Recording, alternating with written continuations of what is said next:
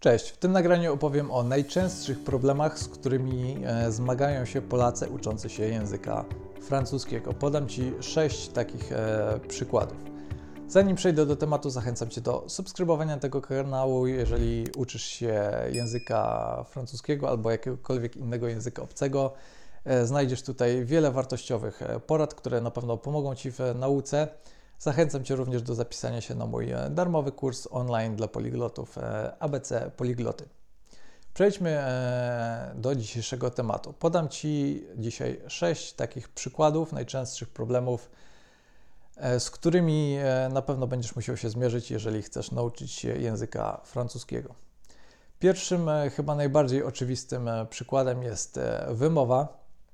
Tutaj możesz zobaczyć, jak wygląda alfabet fonetyczny w języku francuskim. Na zielono oznaczyłem e, te fonemy, czyli te dźwięki, które występują również w języku polskim, a te oznaczone na czerwono to są właśnie te, których musisz się e, nauczyć. I tak w skrócie je sobie e, omówimy. Na pewno wiesz, jak brzmi słynne francuskie R. Myślę, że, że wiesz, jak to wymówić mniej więcej, tak jak w słowach père, regarder, refaire. Na początku może to być e, trudne i może to być e, niezbyt e, wygodne do wymówienia, ale myślę, że po jakimś czasie się do tego przyzwyczaisz. Kolejny taki dźwięk, który nie występuje w języku polskim, jest na przykład w słowach puis, oui. Teoretycznie w języku e, francuskim e, są dwa rodzaje A, ale ta różnica już w zasadzie zanika, więc e, nie będziemy poruszać tego tematu. Jeśli chodzi o E, to mamy trzy rodzaje E i z tym są przeważnie największe problemy.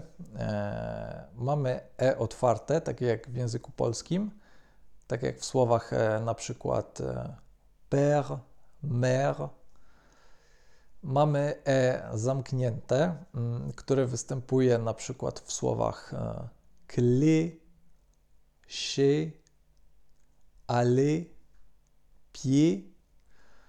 E, to jest takie E, które wymaga tego, żeby trochę rozciągnąć usta i się e, uśmiechnąć. I mamy jeszcze trzecie E, caduc, e, które jest takim E pomiędzy E i Y. Tak, żeby ci to obrazowo wytłumaczyć. Wyobraź sobie, że chcesz wypowiedzieć takie E, które jest blisko Y. Tak jak na przykład w słowach reposer, monsieur, nous faisons.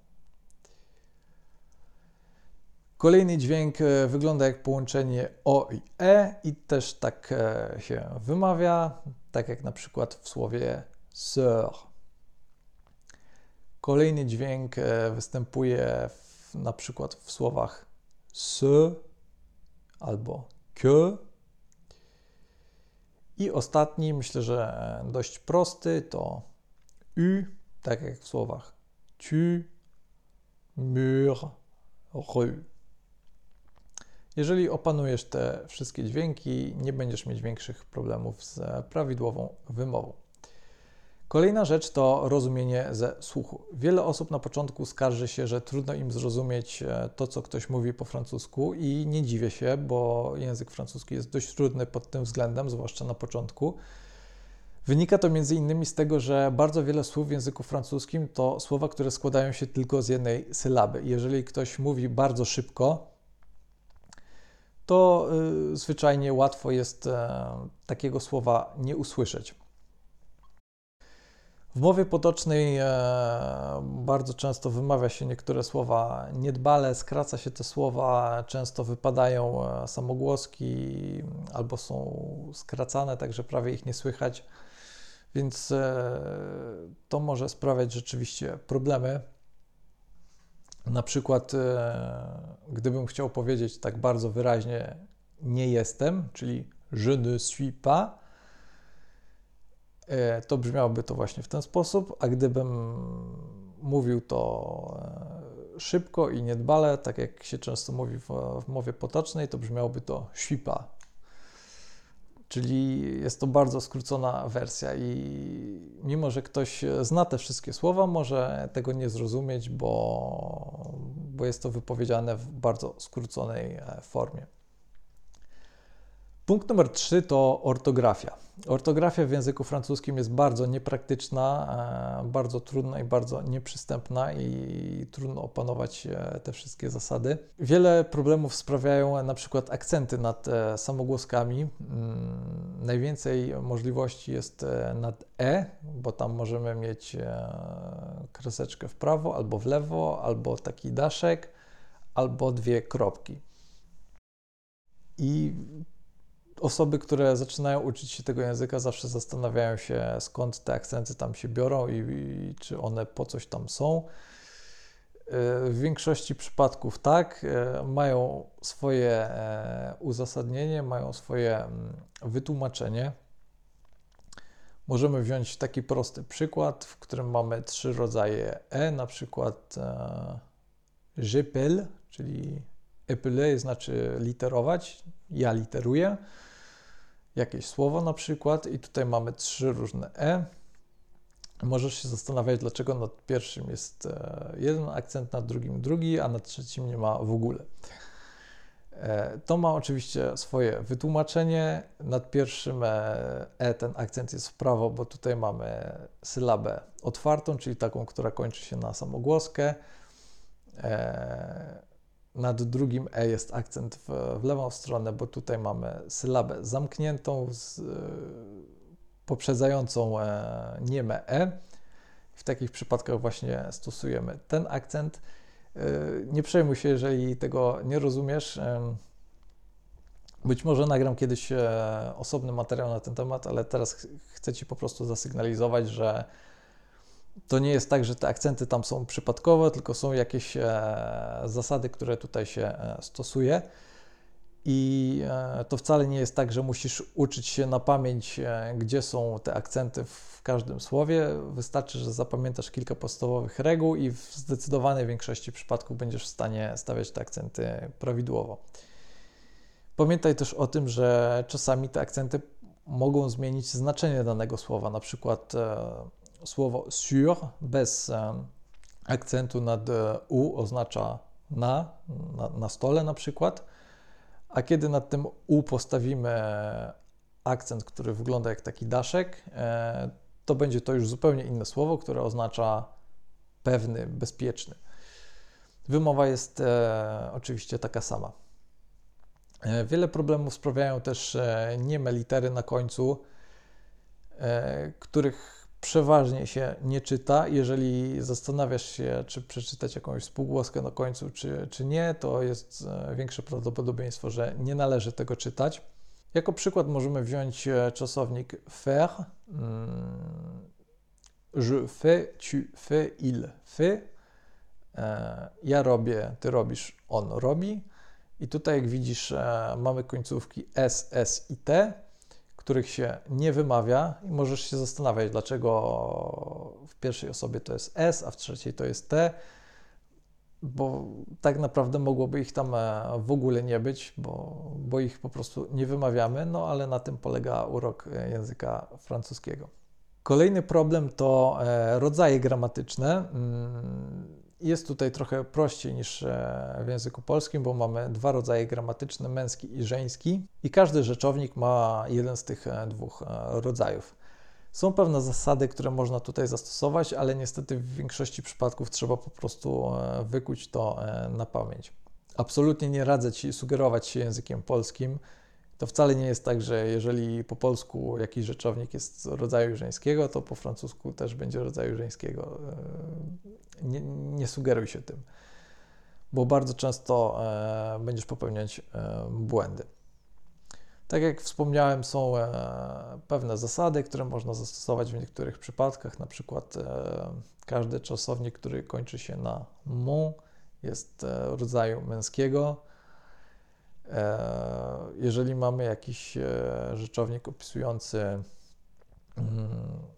zawód e, z, określeniem płci, typu, nie wiem, piosenkarka, pielęgniarka, nauczycielka i tak no to wiadomo, że takie słowa będą rodzaju żeńskiego, bo mówimy o kobiecie. Natomiast jeżeli mówimy o jakichś przedmiotach, e, no to tutaj e, trudno się tego rodzaju domyślić i trzeba to po prostu zapamiętać. Dlatego mm, sugeruję, żeby uczyć się tych słów od razu z e, rodzajami. Jeżeli notujesz sobie jakieś słówko w zeszycie i jest to rzeczownik, to warto zapisać sobie obok, czy to jest rodzaj e, męski czy żeński.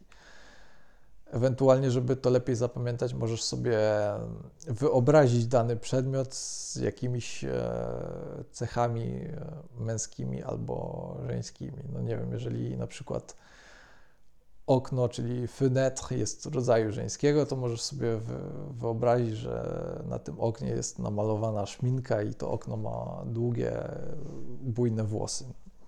Być może takie rzeczy pomagają w tym, żeby to lepiej e, zapamiętać.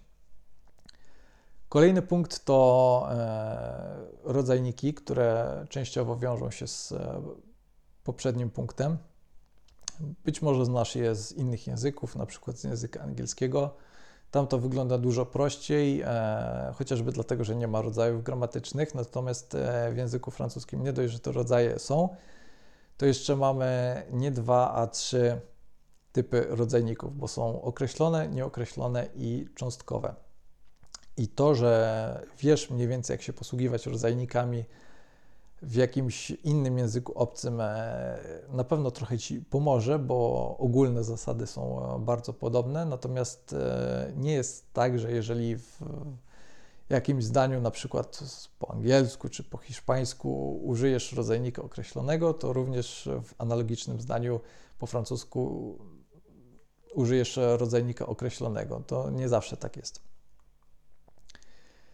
Kolejna rzecz to e, odmiana czasowników i czasy. Mm, I tutaj od razu muszę Cię uprzedzić, że na samym początku jest najtrudniej, bo zawsze naukę zaczyna się od e, czasu teraźniejszego, a to właśnie ten czas jest e, najtrudniejszy, bo mamy tutaj najwięcej możliwości, najwięcej schematów odmiany i najwięcej wyjątków. Więc e, może się to wydać lekko przerażające dla osoby, która, która dopiero zaczyna naukę, natomiast później będzie już e, dużo łatwiej. I też niestety jest tak, że te czasowniki, z których korzystamy najczęściej e, w tym e, czasie teraźniejszym, e, są przeważnie nieregularne. A im dany czasownik jest rzadszy, tym e, większe prawdopodobieństwo, że jest regularny. Jeżeli chodzi o czasy, to e, mamy jeden czas teraźniejszy, e, trzy czasy przeszłe, e, mamy passé composé i imparfait, czyli czas dokonany i niedokonany, jest jeszcze plus que parfait, czyli czas zaprzeszły, taki jak past perfect w języku angielskim dla porównania.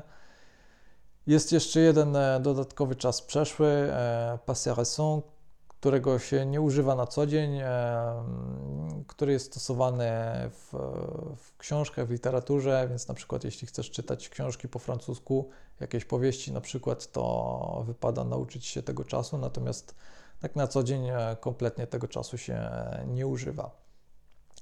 I mamy też dwa e, czasy przyszłe, które myślę, że są dość proste do nauki. To by było na tyle. Jeżeli e, uczysz się języka francuskiego, e, daj znać w komentarzu, jakie rzeczy sprawiają Ci e, najwięcej problemów. E, jestem ciekawy, czy są to właśnie te rzeczy, o których powiedziałem, czy może jeszcze coś e, innego, o czym e, zapomniałem wspomnieć.